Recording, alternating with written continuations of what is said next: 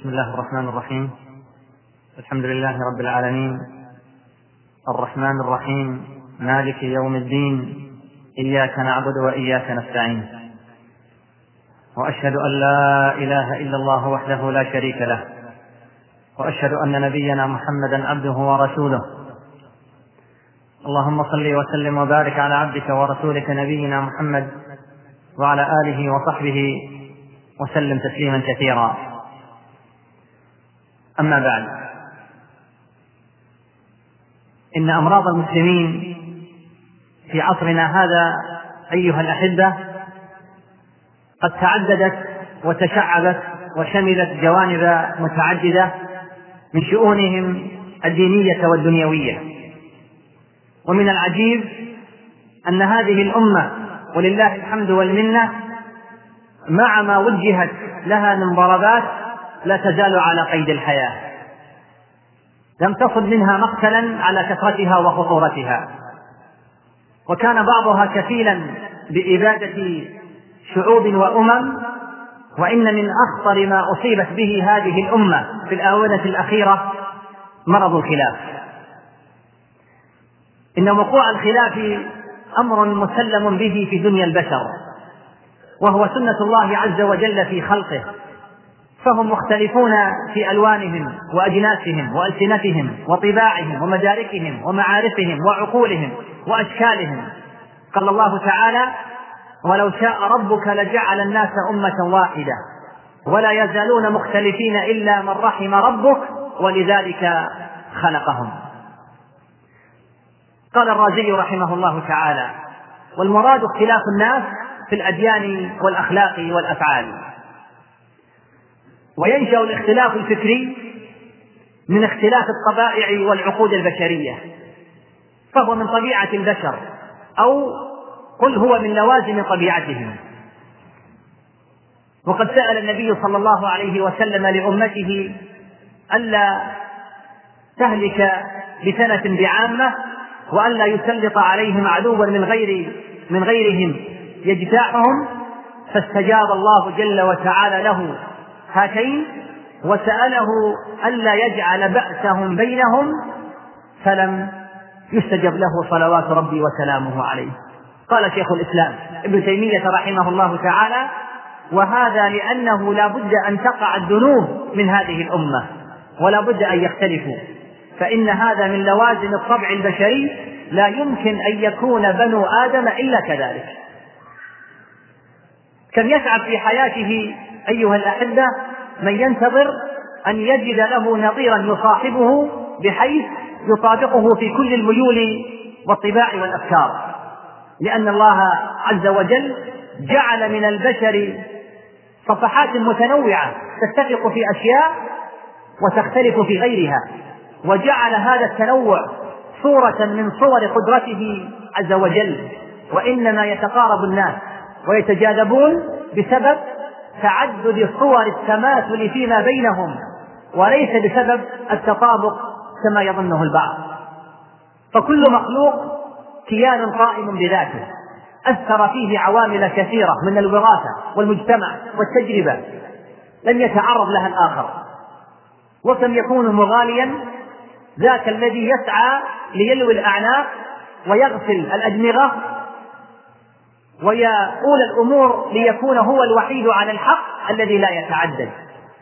وليكون جميع الناس مستعدين للانسجام مع طباعه والاقتناع بطريقة تفكيره والاهتمام بمثل ميوله. وكم يكون ظالما.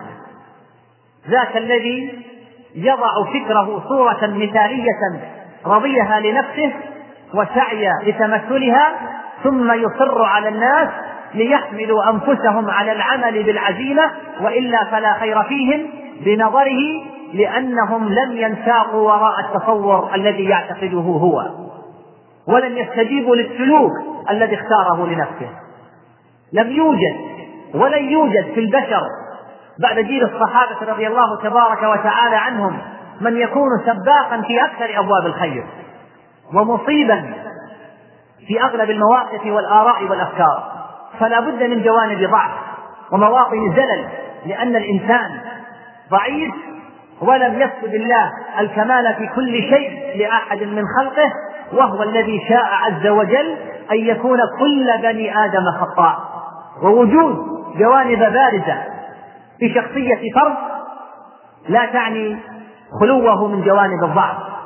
وضعف امرئ آخر في جوانب من شخصيته لا تعني أيضا أبدا أنه ليس لديه أي صورة من صور التميز والبروز ومن نال شيئا فتته أشياء فلا يظنن نفسه بما ميزه الله أنه فاق البشر أو صار حاكما على سلوكهم ومصدرا لتقويمهم.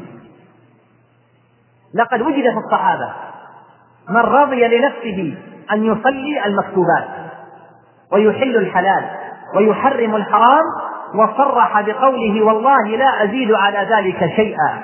فيشهد له الرسول صلى الله عليه وسلم بقوله أفلح إن صدق. وسيظل البحث عن الوحدة الإسلامية. هما يؤرق الكثيرين من أبناء هذه الأمة الغيورين على لم شتاتها وتوحيد صفها. فالخلافات قد شلت الوحدة وأصبحت تهدد مستقبل الدعوة الإسلامية. وتشيع الكراهية والبغضاء بين المسلمين. إن البحث عن وحدة الصف الإسلامي لا يقل أهمية عن البحث عن مصل يقضي على فيروس الإيد فكم من مقالات كتبت وخطب ألقيت تحض المسلمين على الاجتماع وعدم إتاحة الفرصة للخلافات الهامشية التي تصنع فجوات فيما بينهم وتحيلهم إلى أشتات وإلى شراد ولكنها ذهبت أدراج الرياح. وإلى شراد ولكنها ذهبت أدراج الرياح. فها نحن نواجه التفرق ونواجه التنازع الفكري المتواصل الذي أخذ يباعد بين أفراد المجتمع المسلم أفراد المجتمع المسلم فأصبح المسلمون عاجزين عن مواجهة المحن صفا واحدا في أمور تتطلب التماسك وتناسي الخلافات. وإنه ليحز بالنفس أن يعمل بعض أبناء الأمة على تحطيم أجنحة هذه الصحوة المباركة وتكبيلها بقيود الخلاف غير المنضبط حول ما يستحق من الأمور وما لا يستحق الأمر الذي شغل المسلمين بأنفسهم وبدد الكثير من طاقاتهم. إن إثارة الخلاف بين المسلمين أو تنمية أسبابه. تعد أعظم خيانة لأهداف الإسلام الكبرى وتدمير لهذه الصحبة المعاصرة التي أحيت الأمل في النفوس وتشتيت لجهود العاملين المخلصين. ولذلك فإن من أكثر وأهم واجبات المسلمين اليوم عامة والدعاة منهم خاصة بعد الإيمان بالله عز وجل هو العمل على توحيد فصائل حملة الإسلام ودعاته والقضاء على كل عوامل الخلاف بينهم فإن كان لا محالة فليكن في أضيق الحدود وضمن آدابه. ولا يمنع من الخلاف في بعض المسائل التقاء القلوب ما دامت النية خالصة وعندها فلن نعدم التوفيق والتأييد من الله عز وجل كما كان حال سلفنا الصالح حال الخلاف كما ستسمع شيئا من ذلك خلال هذه المحاضرة. إن الخلاف يا أخي الحبيب في الفقه والفهم للآيات والأحاديث أمر لا مفر منه وقد حدث ذلك في عهد الصحابة ولكن لم يكن ذلك الخلاف يدعوهم إلى التباغض ولم يحاول أحدهم أن يقصر المسلمين على فهمه. لقد شهدت الساحة الإسلامية المعاصرة ومع كل أسف أنماطا من الناس وأشكالا من البشر. إذا اختلفت معهم في الرأي تحولوا إلى وحوش كافرة يمتلئون بالحقد وحب الانتقام والأخذ بالثأر. فكم من إنسان دفعه خلافه إلى أن يشهر بمن خالفه. إنها قضية أساسية يجب أن تكون محل الاهتمام الأكبر ومناط التفكير الأول على الساحة الإسلامية فأكثر الأزمات والمشكلات التي تعاني منها الساحة الإسلامية اليوم ويعاني منها العمل الإسلامي تعود إلى اختلاف وجهات النظر ويمكن أن نحصر أسباب الخلاف في واقعنا الإسلامي المعاصر إلى أربعة أسباب. السبب الأول هو ضعف المحصلة العلمية وعندما يضعف العلم يصبح الأمر فوضى. عندما يضعف العلم يصبح الأمر فوضى ثم لا يقف الخطر عند حد الاجتهادات الفقهية البسيطة بل قد يتعدى إلى الأصول الكبرى في الإسلام. السبب الثاني من أسباب الخلاف في واقعنا الإسلامي المعاصر عدم فهم مقاصد الشريعة. إن مقاصد الشريعة ليست من النقاط التي تملى أو تحفظ وإنما هي بصائر من الأفهام.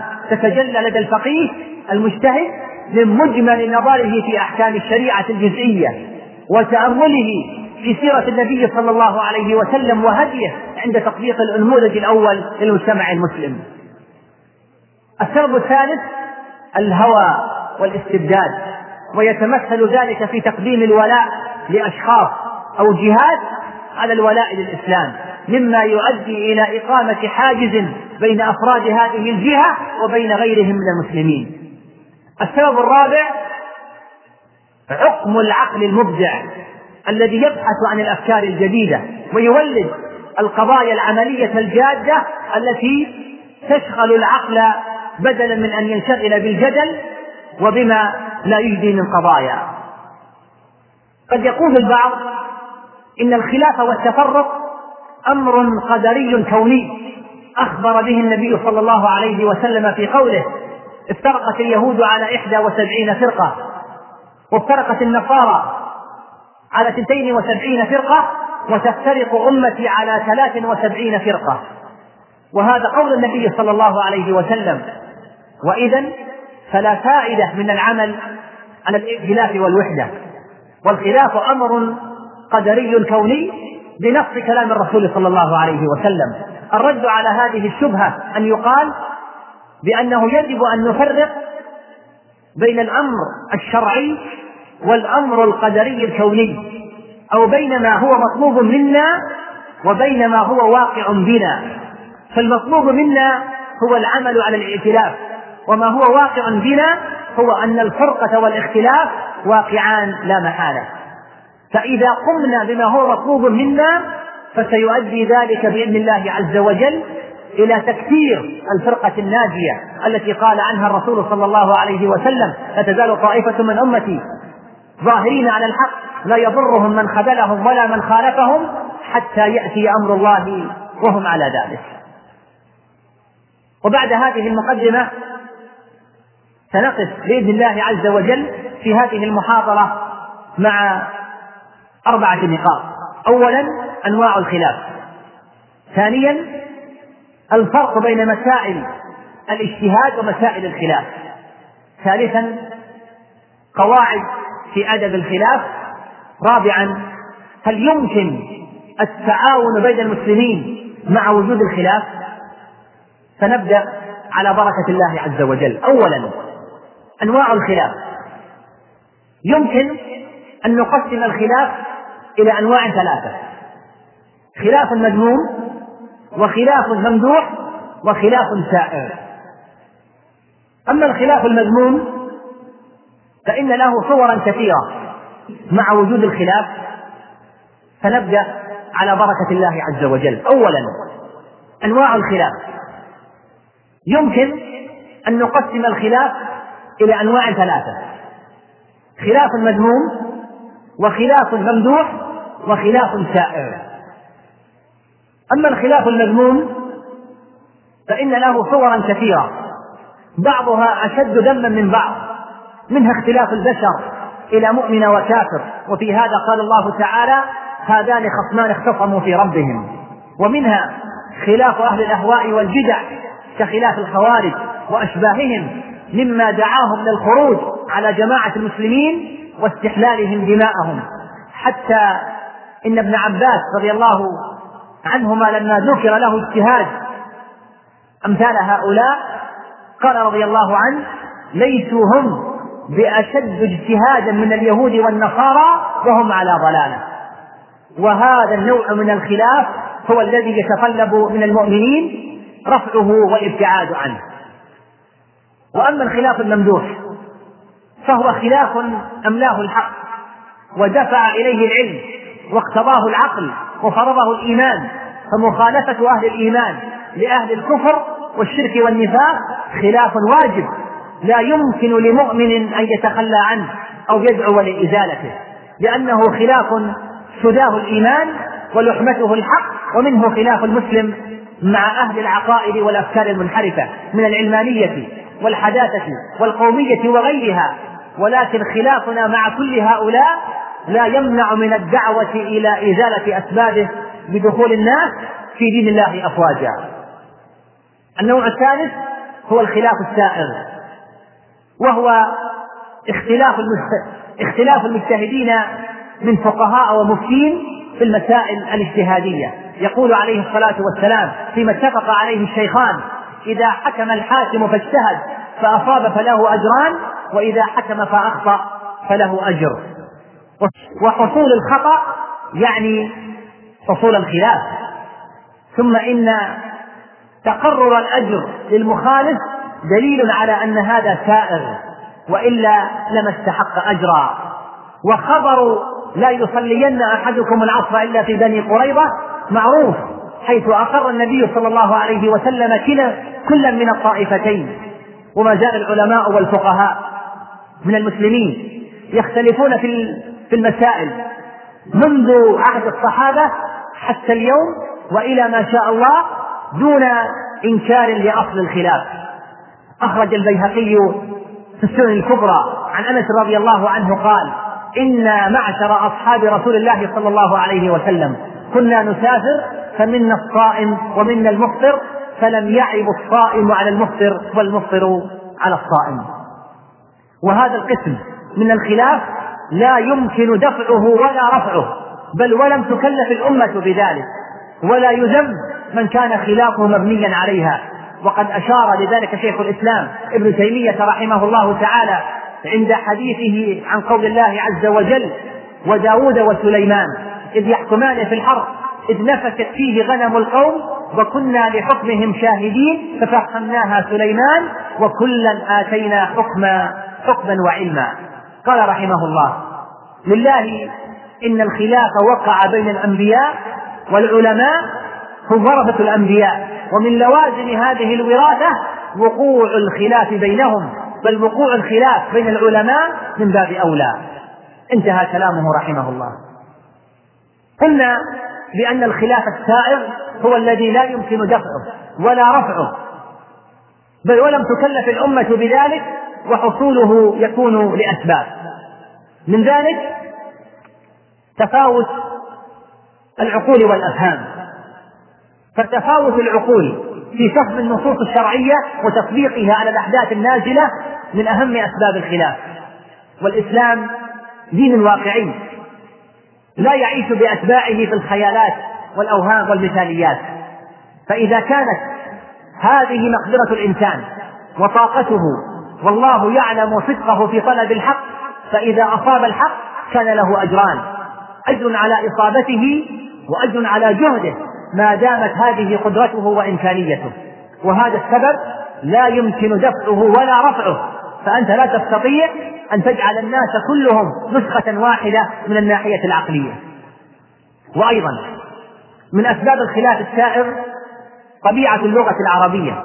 هذه اللغة التي نزل بها الوحي ويفهم على مقتضى قواعدها هذه اللغة فيها المترادف والمشترك. وفيها النص والظاهر وفيها المجمل والمبين وكل هذا وغيره يؤدي إلى الاختلاف في فهم نصوص الشرع الذي تتوارد عليها هذه العوامل اللغوية وهذا باب واسع لا يدركه جيدا إلا من كان على صلة بعلوم هذه اللغة من نحو وصرف واشتقاق وبيان وبديع وأدب وغير ذلك. ومن الأسباب. أيضا الاختلاف في بعض قواعد الاستنباط والاجتهاد.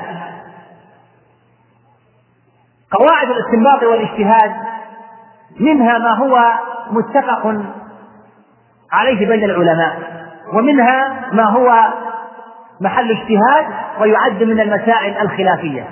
والخلاف في أي قاعدة من هذه القواعد يتفرع عليه الخلاف في كثير من الفروع الفقهية. فمن هذه القواعد مثلا التي وقع الخلاف فيها بين الحنفية والجمهور على سبيل المثال حجية مفهوم المخالفة. فالجمهور يقولون إنه حجة والحنفية يقولون إنه ليس بحجة. ومما يترتب على ذلك في بعض الفروع الفقهية أن الجمهور يقولون لا يجوز الشروع في الصلاة بغير التكبير ولا الخروج منها بغير التسليم لحديث النبي صلى الله عليه وسلم مفتاح الصلاة الطهور وتحريمها التكبير وتحليلها التسليم. أما الحنفية فيقولون إن غاية ما في الأمر بيان مشروعية الدخول في الصلاة بالتكبير والخروج منها بالتسليم لا منع الدخول والخروج بغيرهما ولذلك يرى الأحناف جواز الدخول في الصلاة بأي ذكر كالتسبيح والتحميد والتهليل. والخروج بأي عمل ليس من جنس الصلاة. والفروع الفقهية التي وقع الخلاف فيها بسبب هذه القاعدة كثيرة جدا. وأيضا من الأسباب. الخلاف في ثبوت بعض النصوص الشرعية من السنة النبوية. وهذا باب واسع. والحديث فيه يطول والخلاف بسببه وقع منذ زمن مبكر جدا. ثم في العصور المتأخرة ازداد الأمر. فكم من نص ثبت عند أناس ولم يثبت عند آخرين إما لأنه لم يبلغهم أصلا أو بلغهم من طريق لا تقوم به الحجة عندهم وإن كان طريقا موثوقا عند غيرهم. فكم من رجل جرحه أناس ووثقه آخرون فكل هذا وغيره يحصل بسببه الخلاف. وأيضا من الأسباب الخلاف في فهم بعض النصوص الشرعية. سواء كان الخلاف في فهم آيات من القرآن أو في فهم ما اتفق على ثبوته من السنة النبوية ولعل الخلاف في هذا أيضا كان مبكرا جدا كما في قصة بني قريظة. فعن ابن عمر رضي الله عنهما قال قال النبي صلى الله عليه وسلم لنا لما رجعنا من الأحزاب لا يصلين أحدكم العصر إلا في بني قريظة. فأدرك بعض الصحابة العصر في الطريق فقال بعضهم لا نصلي حتى نأتيها. وقال بعضهم بل نصلي. لم يرد لم يرد منا ذلك. فذكر النبي عليه الصلاة والسلام فلم يعنف واحدا منهم. متفق عليه. وأيضا من الأسباب. الخلاف في تنزيل الأحكام على الوقائع لتجددها وكثرتها. أي أن أصل الحكم لا خلاف عليه. ولكن دخول هذه الواقعة واندراجها تحت هذا الحكم محل نظر. فالبعض يرى دخولها تحته والبعض لا يرى ذلك. فلا خلاف في فهم النص ولا في معرفة الحكم لكن الخلاف في تنزيله على الحوادث النازلة بالناس. إليك هذا المثال. لا خلاف في هجر المبتدع الداعي إلى بدعته.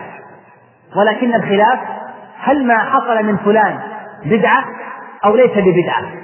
وإذا كانت بدعة فهل تحقق منه الدعوة إليها أم لم يتحقق ذلك؟ وهذا ما اصطلح على تسميته عند علماء الأصول بتحقيق المناط. ولنضرب مثالا. يعيش الناس اليوم مشكلته ألا وهو حكم الذبائح المستوردة من دجاج وغيره من الخارج هذه الواقعة الحادثة النازلة اختلف أهل العلم في أي الأحكام ينزل عليها ويعطى لها. فمنهم من قال هذه ميتة وكل ميتة فالأصل فيها الحرمة إلا ما ثبت عندنا أنها ذكيت زكاة شرعية. وهذه القاعدة صحيحة في أصلها لا خلاف عليها ولا غبار ولكن الخلاف هل هذه القاعدة تنطبق على هذه الواقعة أم لا؟ ومنهم من قال هذه من ذبائح أهل الكتاب وذبائح أهل الكتاب الأصل فيها الحل إلا ما ثبت عندنا عدم تذكيته زكاة شرعية وهذه القاعدة أيضا صحيحة في أصلها لا خلاف عليها ولا غبار ولكن الخلاف هل هذه القاعدة تنطبق على هذه الواقعة أم لا؟ فأنت الآن ترى بأن الخلاف في هذه المسألة مبني على ماذا؟ على قواعد علمية شرعية وجيهة مع أن البعض ممن هم في بدايات طلب العلم يظنون أن الخلاف فيها عبث ويتعجبون كيف يختلف العلماء في مثل هذه القضية وأيضا من الأسباب الخلاف في تقدير المصالح والمفاسد في أمر من الأمور بمعنى أنهم لا يختلفون في أصل الحكم ولا يختلفون في انطباق الحكم على هذه الواقعة ولكنهم يختلفون فيما يترتب على ذلك من مصالح ومفاسد من بعد ذلك. فمثلا منكر من المنكرات فشى في المجتمع لا يختلف الدعاة في أنه منكر وباطل ولا يختلفون في أن الحكم الشرعي هو إنكار هذا المنكر ولكنهم يختلفون فيما يترتب على هذا المنكر. فبعض الدعاة يرى أن إنكار هذا المنكر سيترتب عليه منكر أكبر. فيجب عندئذ السكوت والصبر والتحمل وعدم الإنكار. ودعاة آخرون يرون أن هذا المنكر أكبر وأعظم مما سيقع إذا أنكر. فيرون وجوب إنكاره وإزالته وتحمل ما يصيبهم من أذى عند التصدي لهذا المنكر ولإزالته ولكل من الفريقين أجره عند الله عز وجل. ومع كل هذه الأسباب وغيرها فإن الخلاف السائر يجب أيها الأحبة وهذا هو لب هذه المحاضرة يجب ألا يفسد للود قضية. فالصحابة رضي الله عنهم اختلفوا في مسائل لا تحصر وبعضها قضايا إن صح التعبير قضايا مصيرية. فماذا إن بنى على ذلكم الخلاف؟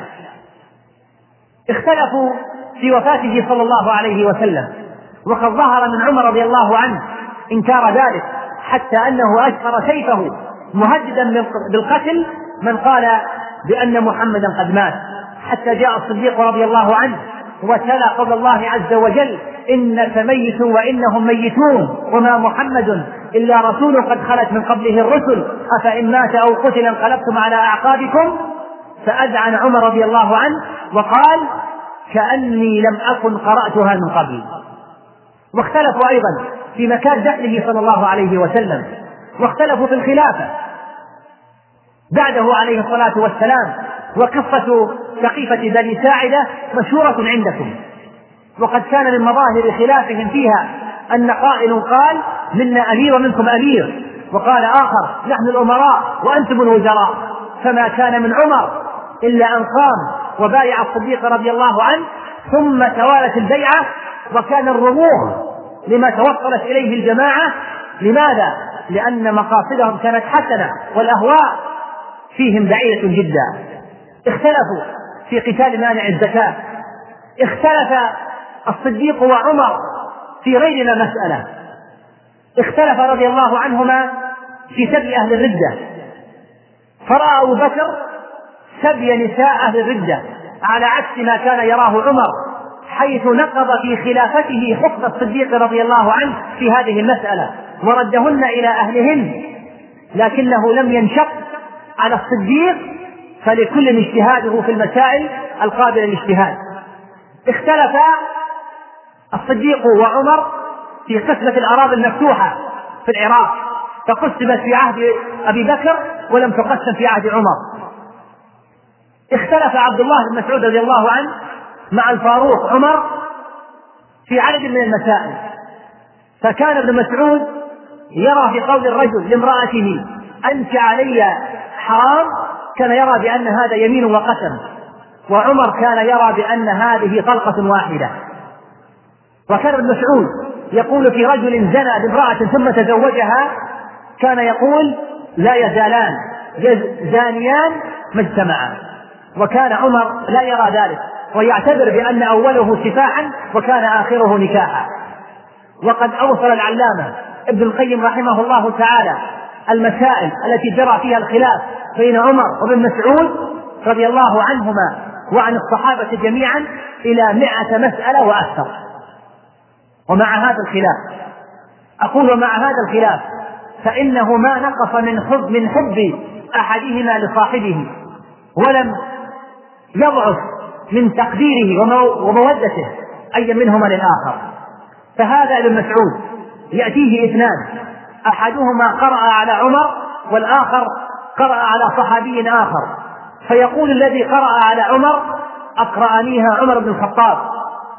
فيجهج ابن مسعود بالبكاء حتى يبتل الحصى بدموعه ويقول اقرأ كما أقرأك عمر فإنه كان للإسلام حسنا حصينا يدخل الناس فيه ولا يخرجون منه.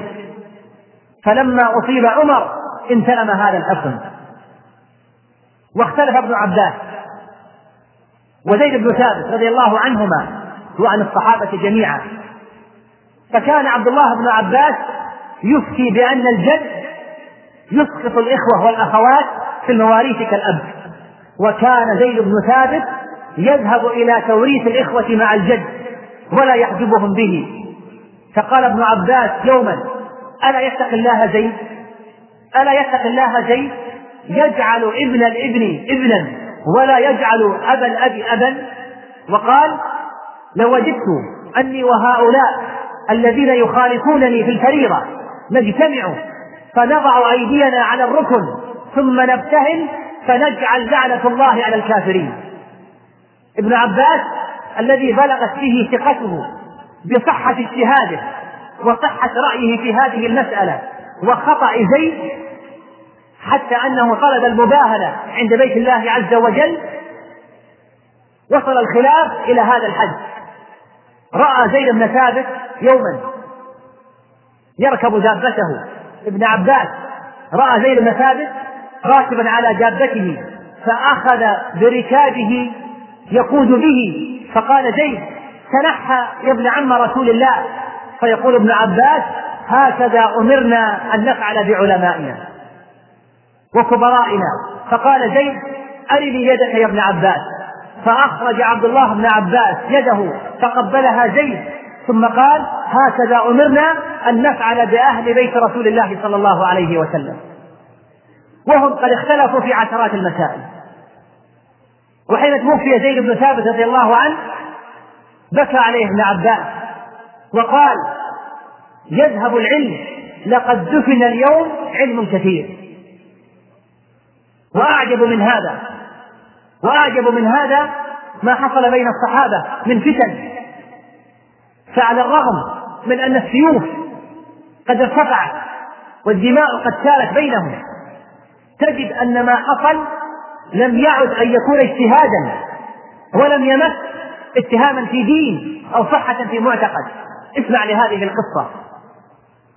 يدخل عمران بن طلحة على عبيد الله.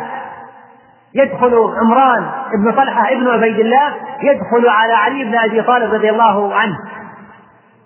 بعدما فرغ علي من موقعة الجمل. وهذه الموقعة كانت بين علي وبين طلحة. وطلحة هو والد عمران مع أبيه. فيرحب علي بعمران. وقبل قليل وقبل قليل كان القتال بينه وبين أبيه. فيرحب علي بعمران ثم يدنيه منه ويقول إني لأرجو إني لأرجو أن يجعلني الله وأباك من الذين قال الله عز وجل عنهم ونزعنا ما في صدورهم من غل. إخوانا على سور متقابلين. ثم أخذ يسأله عن أهل بيته عن أهل بيت طلحة فردا فردا وعن غلمانه وعن أمهات أولاده. يا ابن أخي كيف فلان؟ وكيف فلانة؟ وكيف فلان وكيف فلانة. ثم يستغرب بعض الحاضرين ممن لم يحظوا بشرف الصحبة النبوية ولم يدركوا معاني التربية المحمدية. فيقول رجلان من هؤلاء الحاضرين على ناحية البساط الله أعدل من ذلك تقتلهم بالأمس وتكونوا ثم تكونوا إخوانا على سور متقابلين في الجنة. فيغضب علي رضي الله عنه ويقول لهما فمن هو إذا إن لم أكن أنا وطلحة فمن إذا ويسأل بعضهم علي رضي الله عنه عن أهل الجمل أمشركون هم فيقول من الشرك فروا. قالوا أمنافقون هم قال إن المنافقين لا يذكرون الله إلا قليلا. ثم سئل ممن هؤلاء إذا فيقول إخواننا بغوا علينا. إخواننا بقوا علينا. وبعد زمن الصحابة اختلف كبار العلماء وكبار الأئمة في كثير من الأمور الاجتهادية كما اختلف الصحابة وهم جميعا على الهدى ما دام الخلاف لم ينجم عن هوى أو شهوة أو رغبة في الشقاق. ولذلك فإن أهل العلم في سائر الأعصار كانوا يقبلون فتاوى المفتين في المسائل الاجتهادية. ما داموا مؤهلين فيصوبون المصيب ويستغفرون للمخطئ ويحسنون الظن بالجميع ولم يمنع من أن يصلي بعضهم خلف بعض مع أن أحدهم كان يرى في بعض المسائل الفقهية نقض الوضوء من بعض الأشياء وصاحبه لا يرى. مع هذا الخلاف لا يمنعه من أن يصلي خلفه. صلى الرشيد إماما وقد احتجم فصلى أبو يوسف خلفه ولم يعد الصلاة مع أن الحجامة عند أبي يوسف تنقض الوضوء. وكان الإمام أحمد رحمه الله تعالى يرى الوضوء من الرعاة والحجامة. فقيل له فإن كان الإمام قد خرج منه الدم ولم يتوضأ هل يصلى خلفه؟ قال سبحان الله. وكيف لا أصلي خلف الإمام مالك وخلف سعيد بن المسيب؟ وصلى الشافعي رحمه الله الصبح مرة مرة قريبا من مقبرة الإمام أبي حنيفة. فلم يقنت. والقنوت عند الشافعي أقنت. والقنوت عند الشافعي سنة مؤكدة في الفجر. فقيل له في ذلك. فقال أخالفه وأنا في حضرته. وقال أيضا ربما انحدرنا إلى مذهب أهل العراق. وقال يونس الصدفي ما رأيت أعقل من الشافعي رحمه الله. ناظرته يوما في مسألة ثم افترقنا. ولقيني من الغد فأخذ بيدي. ثم قال يا أبا موسى ألا يستقيم أن نكون إخوانا وإن لم نتفق في مسألة؟ قال الذهبي رحمه الله تعالى تعليقا على كلام الإمام الشافعي هذا يدل على كمال عقل هذا الإمام وفقه نفسه فما زال النظراء يختلفون. ومن لطيف ما أسر عن الإمام أحمد ابن حنبل رحمه الله تعالى في هذا الباب قوله لم يعبر الذكر إلى خراسان مثل إسحاق ابن راهويه. وإن كان يخالفنا في أشياء فإن الناس لم يزل يخالف بعضهم بعضا. فأي أدب؟ أيها الأحبة بعد هذا الأدب مع وجود هذا الكم الهائل من الخلاف ولعل من أفضل وأحسن أمثلة أدب الخلاف. تلك الرسالة العلمية الرائعة التي بعث بها فقيه مصر وإمامها وعالمها في زمانه الليث بن سعد إلى الإمام مالك يعرض عليه فيها وجهة نظره في أدب جم رفيع حول كثير مما كان الإمام مالك يذهب إليه ويخالفه فيه الليث بن سعد. أنصح طلاب العلم بالرجوع إلى هذه الرسالة في كتاب أعلام الموقعين لابن القيم رحمه الله تعالى الجزء الثالث. فهذه بعض من نماذج أدب الخلاف من سلف هذه الأمة ومواقفهم منه في التعامل عند وقوعه. إن الخلاف أيها الأحبة إذا كان بهذه الآداب وبهذه النفسية والتزم الناس حدوده كان له بعض الإيجابيات. من ذلك أنه يتيح إذا صدقت النوايا التعرف على جميع الاحتمالات التي يمكن أن يكون الدليل رمى إليها بوجه من وجوه الأدلة. وأيضا من الإيجابيات أن فيه رياضة للأذهان وتلاقح للآراء وفتح مجالات التفكير في الوصول إلى سائر الافتراضات التي تستطيع العقول المختلفة الوصول إليها ومنها تعدد الحلول أمام صاحب كل واقعة ليهتدي إلى الحل المناسب للوضع الذي هو فيه وغيرها من الإيجابيات. نسأل الله عز وجل الهداية والسداد. ثانيا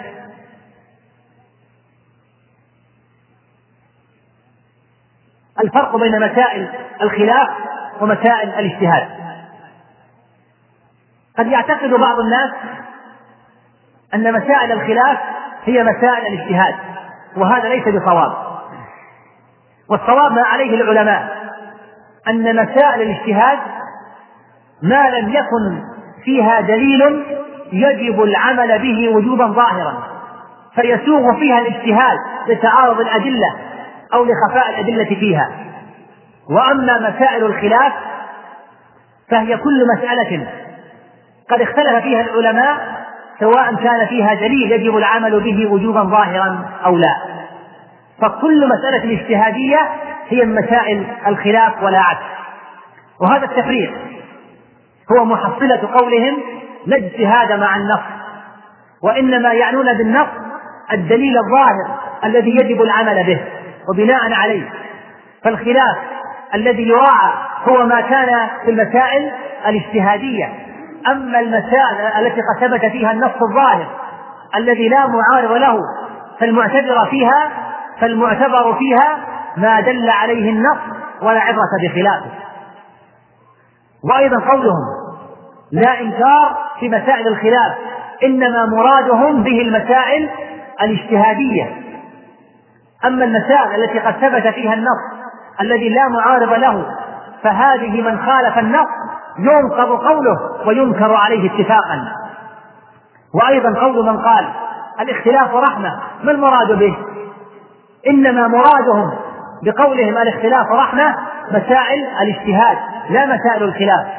ووجه كون الاختلاف رحمة أنه يفتح الباب للنظر والترجيع بين أقوال العلماء ويسلم من مخالفة الأدلة. وهذا ما يشير إليه ما جاء عن عون بن عبد الله. قال ما أحب أن أصحاب رسول الله صلى الله عليه وسلم لم يختلفوا فإنهم لو اجتمعوا على شيء فتركه رجل ترك السنة ولو اختلفوا فأخذ رجل بقول أحد أخذ بالسنة. قال شيخ الإسلام ابن تيمية رحمه الله تعالى مسائل الاجتهاد من عمل فيها بقول بعض العلماء لم ينكر عليه ولم يهجر ومن عمل ومن عمل بأحد القولين لم ينكر عليه انتهى كلامه رحمه الله. ثالثا قواعد مهمة في أدب الخلاف. إن الحق أيها الأحبة ليس حقا على أحد أبدا. والخلاف في الرأي لا يجوز أن يكون مصدر غضب ولجاجة إن من شأن المجتهدين أن يختلفوا. ونتائج هذا الاختلاف مقبولة من غير تعصب ولا تشنج ومن غير أن ينبني على هذا شقاق أو تتنامى بسببه أحقاد ومن المؤسف أن يتحول الخلاف في وجهات النظر إلى عناد شخصي وانتصار ذاتي إلى عداء ماحق. ومن المبكي أن يبدأ الخلاف في فرعية صغيرة ثم يرتقي هذا إلى الاتهام في أصول الإسلام وقواعد الديانة ثم الدخول في النيات لذا فهذه بعض القواعد والآداب التي يجب أن تراعى هذا الخلاف فأرعني سمعك بارك الله فيك واحفظ هذه القواعد. أولا التثبت من قول المخالف.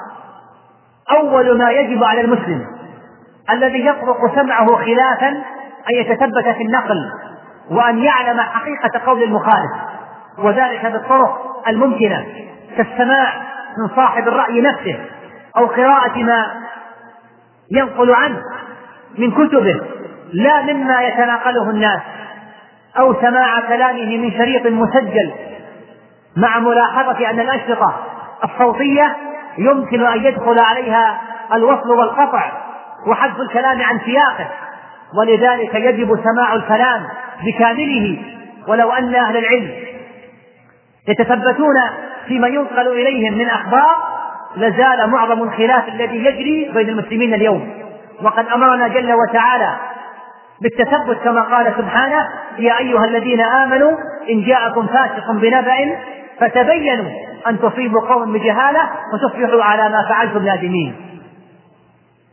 ثانيا من القواعد تحديد محل الخلاف.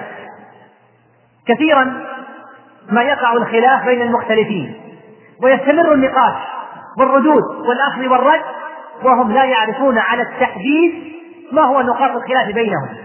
ولذلك يجب أولا قبل الدخول في نقاش أو جدال تحديد مواطن الخلاف تحديدا واضحا حتى يتبين أساس الخلاف. ولا يتجادلان في شيء قد يكونان هما متفقان عليه. وكثيرا ما يكون الخلاف بين اثنين خلاف في المعاني وإنما أو خلاف في الألفاظ فقط.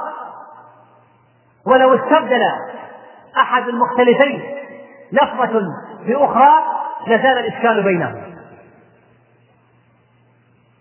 ثالثا لا تتهم النيات.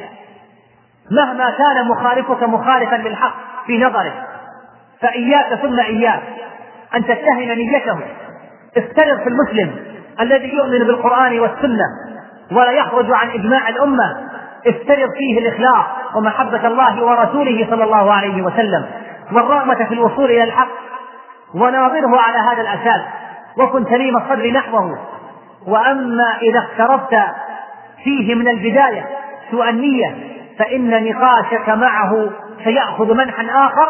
وهو إرادة كشفه وإحراجه وإخراج ما تظن أنه خبيئة عنده. وقد يبادلك مثل هذا الشعور فينقلب النقاش عداوة والرغبة في الوصول إلى الحق رغبة في تحطيم المخالف وبيان ضلاله وانحرافه. رابعا أخلص النية لله. اجعل نيتك في المناظرة هو الوصول إلى الحق. وإرضاء الرب جل شأنه وكشف الغمور عن مسألة يختلف فيها المسلمون وراء بالصدع بينهم وجمع الكلمة وإصلاح ذات البين. فإذا كانت هذه نيتك فإنك تثاب تثاب على ما تبذله من جهد في هذا الصدد. قال الله تعالى فاعبد الله مخلصا له الدين وقال رسول الله صلى الله عليه وسلم إنما الأعمال بالنيات وإنما لكل امرئ ما نوى خامسا ادخل إلى المناظرة وفي نيتك أن تتبع الحق وإن كان مع خصمك. اصلاح ذات البين فإذا كانت هذه نيتك فإنك تثاب. تثاب على ما تبذله من جهد في هذا الصدد. قال الله تعالى فاعبد الله مخلصا له الدين وقال رسول الله صلى الله عليه وسلم إنما الأعمال بالنيات وإنما لكل امرئ ما نوى خامسا ادخل إلى المناظرة وفي نيتك أن تتبع الحق وإن كان مع خصمك يجب على المسلم الذي يخالف أخاه في مسألة ويناظره فيها الا يدخل نقاشا معه إلا إذا نوى أن يتبع الحق أن وجده. وأنه إن تبين له الحق مع مخالفه اتبعه وشكر لأخيه الذي كان ظهور الحق على يده لأنه لا يشكر الله من لا يشكر الناس. سادسا حدد مصطلحات واعرف جيدا مصطلحات مخالفه. كثيرا ما يتجادل اثنان ويختلف قوم ولا يكون سبب خلافهم إلا أنهم يستعملون كلمات ومصطلحات كل منهم يفهمها بمعنى يختلف عما يفهمه الآخر. من أجل ذلك يجب عليك أن تحدد معاني كلماتك التي قد يفهمها مخالفك على صورة أخرى. وكذلك المصطلحات التي تستعملها. واسأل مخالف اسأل مخالفك عن معاني كلماته ومصطلحاته حتى تعرف مراده من كلامه. مثلا من المصطلحات الشائعة والتي يختلف في معناها كثير من الناس. في هذا العصر مثلا مصطلح المنهج مصطلح وسائل الدعوة. مصطلح طريق السلف مصطلح أساليب الدعوة وغيرها من هذه المصطلحات. وكذلك يجب أن تعلم بأن مخالفك يفهم من هذه المصطلحات كما تفهمها أنت. المعنى في الذهن لابد أن يكون واحدا. أو أو كما هو معناه الحقيقي في اصطلاح الشرع إذا كان لهذا المصطلح معنى في شرع الله عز وجل. سابعا التزام الحوار بالتي هي أحسن. لقد جعل الله للحوار والجدل ضوابط وآدابا يجب الالتزام بها حتى يؤدي ثمارها. وإنك لتعجب. وإنك لتعجب حين ترى حال كثير من المسلمين في حوارهم مع إخوانهم. وأنت تتلو قول الله تعالى ولا تجادل أهل الكتاب إلا بالتي هي أحسن وقوله عز وجل وجادلهم بالتي هي أحسن وكم هو جميل أن يقول المرء لمحاوره وهو يختلف معه وإنا أو إياكم لعلى هدى أو في ضلال مبين. قل لا تسألون عما أجرمنا ونسأل عما تعملون. نحن وأنتم أحدنا مخطئ والآخر مصيب. فتعالوا حتى نبحث ونرى أين الحق فنتبعه جميعا. إن الغلظة مع المخالف والقسوة عليه من عادات أهل البدع. كالخوارج والمعتزلة بعكس أهل السنة الذين كانوا يعرفون الحق ويرحمون الخلق كما قال ذلك شيخ الإسلام رحمه الله تعالى. اختلف يوما ابن السماك. ابن السماك هذا أحد علماء السلف. اختلف مع أحد إخوانه في مسألة من المسائل. فأغلظ الرجل القول على ابن السماك. وعند افتراقهما قال الرجل غدا نتعاتب. فقال ابن السماك بل غدا نتغافر. وهكذا تستل سقائم النفوس ويذلل جامحها ويسهل نافرها حتى تقبل الحق. ثامنا التفريق بين مواضع الإجماع ومواضع الخلاف. فينبغي لمن اختلف مع غيره خلافا قائما على اجتهاد صحيح أن يعذرهم. فيما خالفوه فيه وألا يسرب عليهم وألا يقع في أعراضهم وألا يعامل المخالفين معاملة واحدة بل يفرق بين من خالفوا في أمر قطعي أو معلوم من الدين بالضرورة أو مجمع عليه وبين من خالفوا فيما عدا ذلك.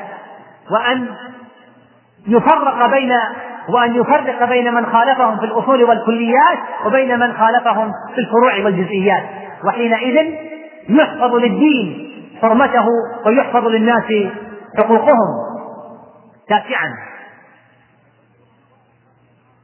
نقل أقوال الطرف الآخر نقلا دقيقا أمينا من مصادره بلا زيادة ولا نقصان. فلا يكفي أيها الأخ الحديث أن تنسب قولا لشخص لأن فلانا قد نسبه إليه. أبدا. هذا لا يصلح.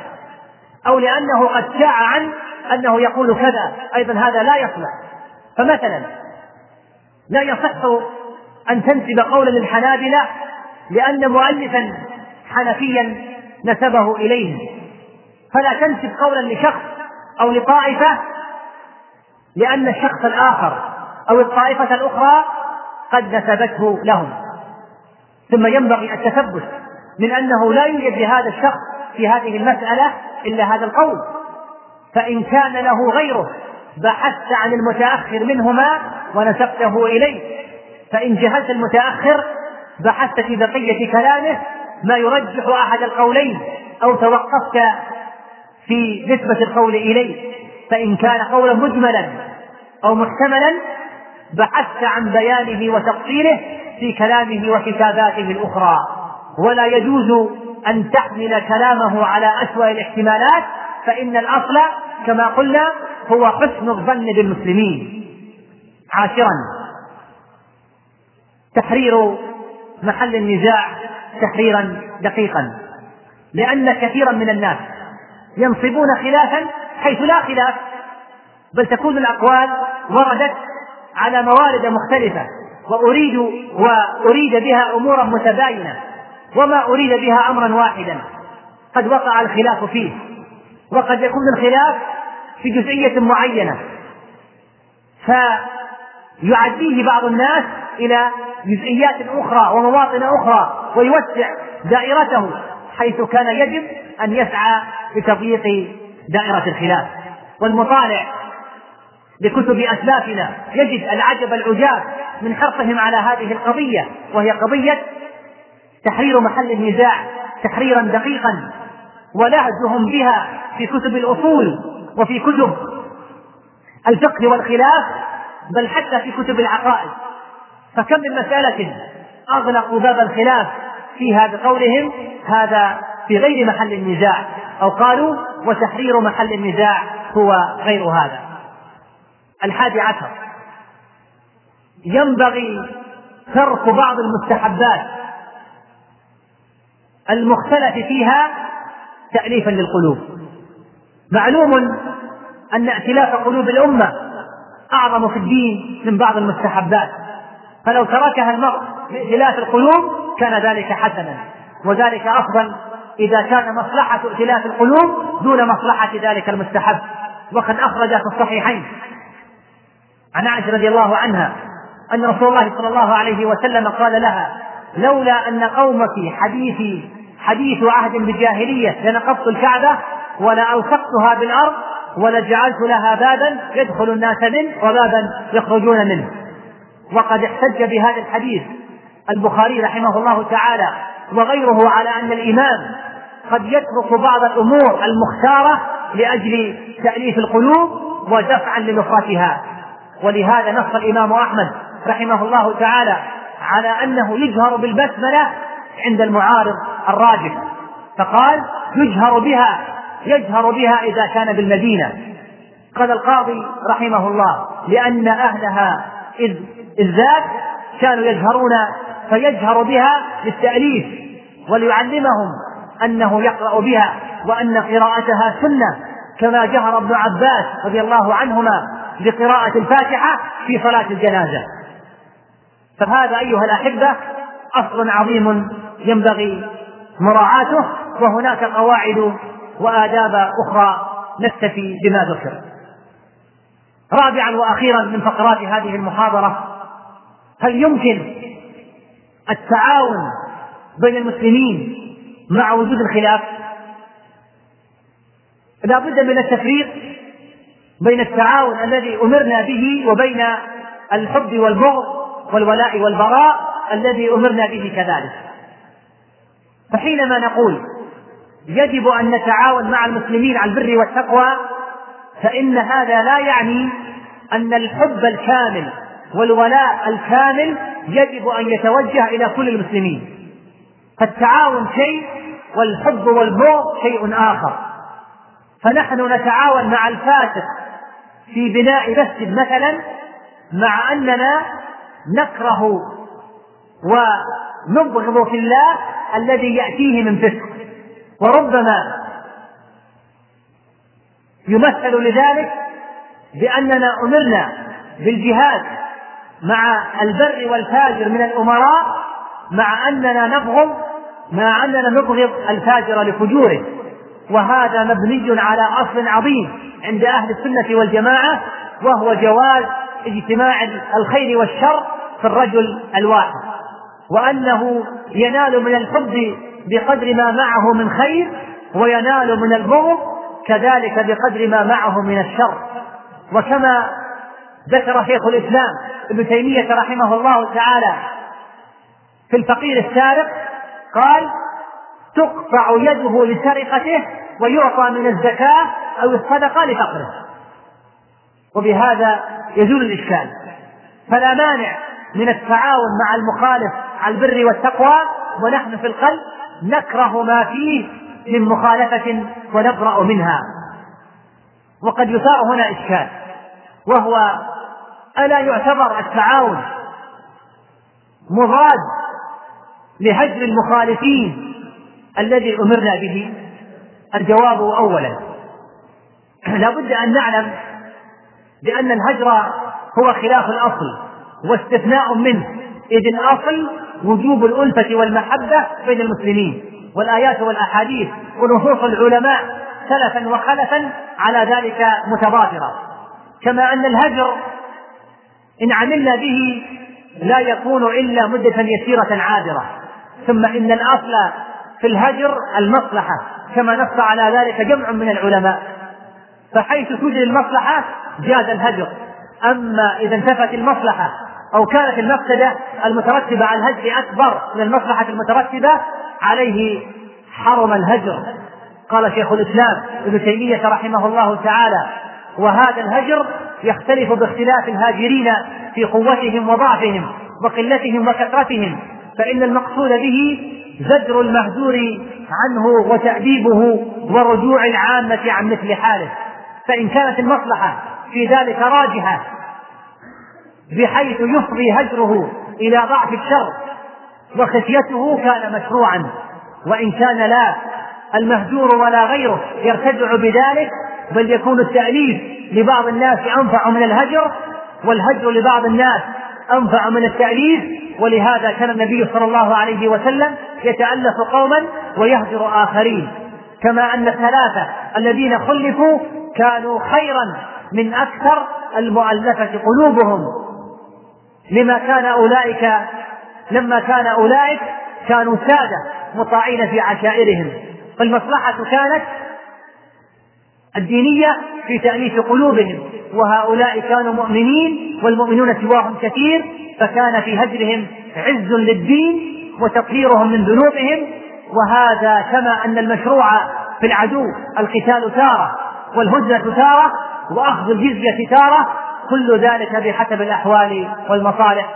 انتهى كلامه رحمه الله. هذا من ناحية. ومن ناحية أخرى فإن الهجر لا ينافي مبدأ التعاون. فإذا قبل المخالف التعاون على أمر فيه مصلحة للمسلمين مع إصراره على التمسك بما هو عليه من مخالفة لو تصورنا ذلك فما المانع؟ أقول ما المانع من التعاون معه؟ إذا كانت المصلحة في الأمر المتعاون عليه هي الغالبة. وفي ظل هذا نستطيع فهم كثير من مواقف السلف الصالح والعلماء حول هذه القضية. ففي بدر مثلا حكى الله عز وجل عن الصحابة قوله منكم من يريد الدنيا ومنكم من يريد الآخرة. ولا شك أن الرسول عليه الصلاة والسلام كان عالما بمن هو من أصحابه ممن يريد الدنيا. أو لإعلام الله له بذلك إن كان فيه عليه ضرر ومع ذلك فقد جاهد الجميع في خندق واحد. ولا بد من أن نؤكد هنا بناء على ما تقدم على أن مواقف العلماء وأقوالهم في المخالفين يجب أن تفهم في ضوء هذا الأصل وهو أن الموقف من المخالف منوط بالمصلحة. فكل زمن له وضعه وأحواله. فليس زمن قوة الإسلام كزمن ضعفه. فلا يجوز أبدا اجتزاء بعض أقوال العلماء بعيدا عن هذا الأصل. ومن ثم الاحتجاج بها فضلا عن أن تجعل أدلة قائمة بذاتها لتسوير الفرقة الحاصلة بين المسلمين. وما أجمل كلام شيخ الإسلام إذ يقول رحمه الله وكثير من أجوبة الإمام أحمد وغيره من العلماء خرج على سؤال سائل قد علم المسؤول وحاله أو خرج خطابا لمعين قد علم حاله؟ فيكون بمنزلة قضايا الأعيان الصادرة عن الرسول صلى الله عليه وسلم. إنما يثبت حكمها في نظيرها فإن أقواما فإن أقواما جعلوا ذلك عاما. فاستعملوا من الهجر والإنكار ما لم يؤمر به فلا يجب ولا يستحب وربما تركوا به واجبات أو مستحبات وفعلوا به محرمات وآخرون أعرضوا عن ذلك بالكلية فلم يهجروا ما أمر بهجره من السيئات البدعية بل تركوا بل تركوها ترك المعرض لا ترك المنتهي الكاره أو وقعوا فيها ودين الله عز وجل وسط بين الغالي فيه والجافي عنه والله أعلم. انتهى كلام شيخ الإسلام رحمه الله تعالى. فاشتراط رفع الخلاف أيها الأحبة تماما لحصول التعاون كاشتراط المستحيل وهذا فيه تعطيل مبدأ التعاون على البر والتقوى الذي دلت عليه النصوص الشرعية. فقبول التعاون مع وجود الخلاف الذي لا يقتضي التفرق لا يعني بالضرورة المطالبة بأعلى صور التعاون بل المطالبة بدرجة من التعاون يتحقق فيها الواجب والمندوب ويزول فيها المحذور والمكروه فإن أعلى صور التعاون محمودة ولكنها عزيزة الوجود وخاصة وقد بعد الناس عن نهج النبوة. وأخيرا ففي هذا العصر الذي تكالبت فيه قوى الشر من الشرق والغرب. على المسلمين يحتاج أهل السنة والجماعة إلى رص الصفوف وتكاتف الأيدي وتآلف القلوب وإلى نبذ جميع أسباب الفرقة الوهمية التي ليس لها حظ من الأثر أو النظر ونبذ الأهواء والتعالي على حظوظ النفس ينبغي أن تتسع صدورنا لمسائل الاجتهاد وألا تستهلكنا الخلافات اليسيرة وأن نترفع عن القيل والقال والجدل العقيم الذي يقسي القلوب ويورث ضغائنها وقد قال المصطفى عليه الصلاة والسلام ما ضل قوم بعد هدى كانوا عليه إلا أوتوا الجدل وإن أمانة حمل هذا الدين أيها الأحبة وتبليغ هذا الدين للناس والله إنها لأمانة عظيمة. سوف نسأل عنها جميعا بين يدي جبار السماوات والأرض. يوم لا ينفع مال ولا بنون إلا من أتى الله بقلب سليم. ولو تعامل الناس مع مسائل الخلاف بتلكم الآداب والقواعد التي ذكرت لأمكن تجاوز كثير من السلبيات التي تعد بها الساحة اليوم. ولكن مع الأسف الشديد نرى أن كثيرا من مثقفي العصر الذين لا تتجاوز ثقافتهم أبجديات العلم الشرعي ومبادئه إن لم تكن ثقافتهم ثقافة صحف ومجلات فقط تراهم يفتقون ويبدعون ويرجحون ويردون وينالون من المخالفين وهم أبعد ما يكونون عن النهج الشرعي في التعامل مع مسائل الخلاف فضلا عن مراعاة آدابه والتي هي الضمان لسلامة التعامل مع هذه المسائل. اللهم رب جبرائيل وميكائيل وإسرافيل فاطر السماوات والأرض على الغيب والشهادة أنت تحكم بين عبادك فيما كانوا فيه يختلفون. اهدنا لما اختلف فيه حق بإذنك إنك تهدي من تشاء إلى صراط مستقيم. وآخر دعوانا أن الحمد لله رب العالمين وأصلي وأسلم على عبده ورسوله نبينا محمد وعلى آله وصحبه أجمعين.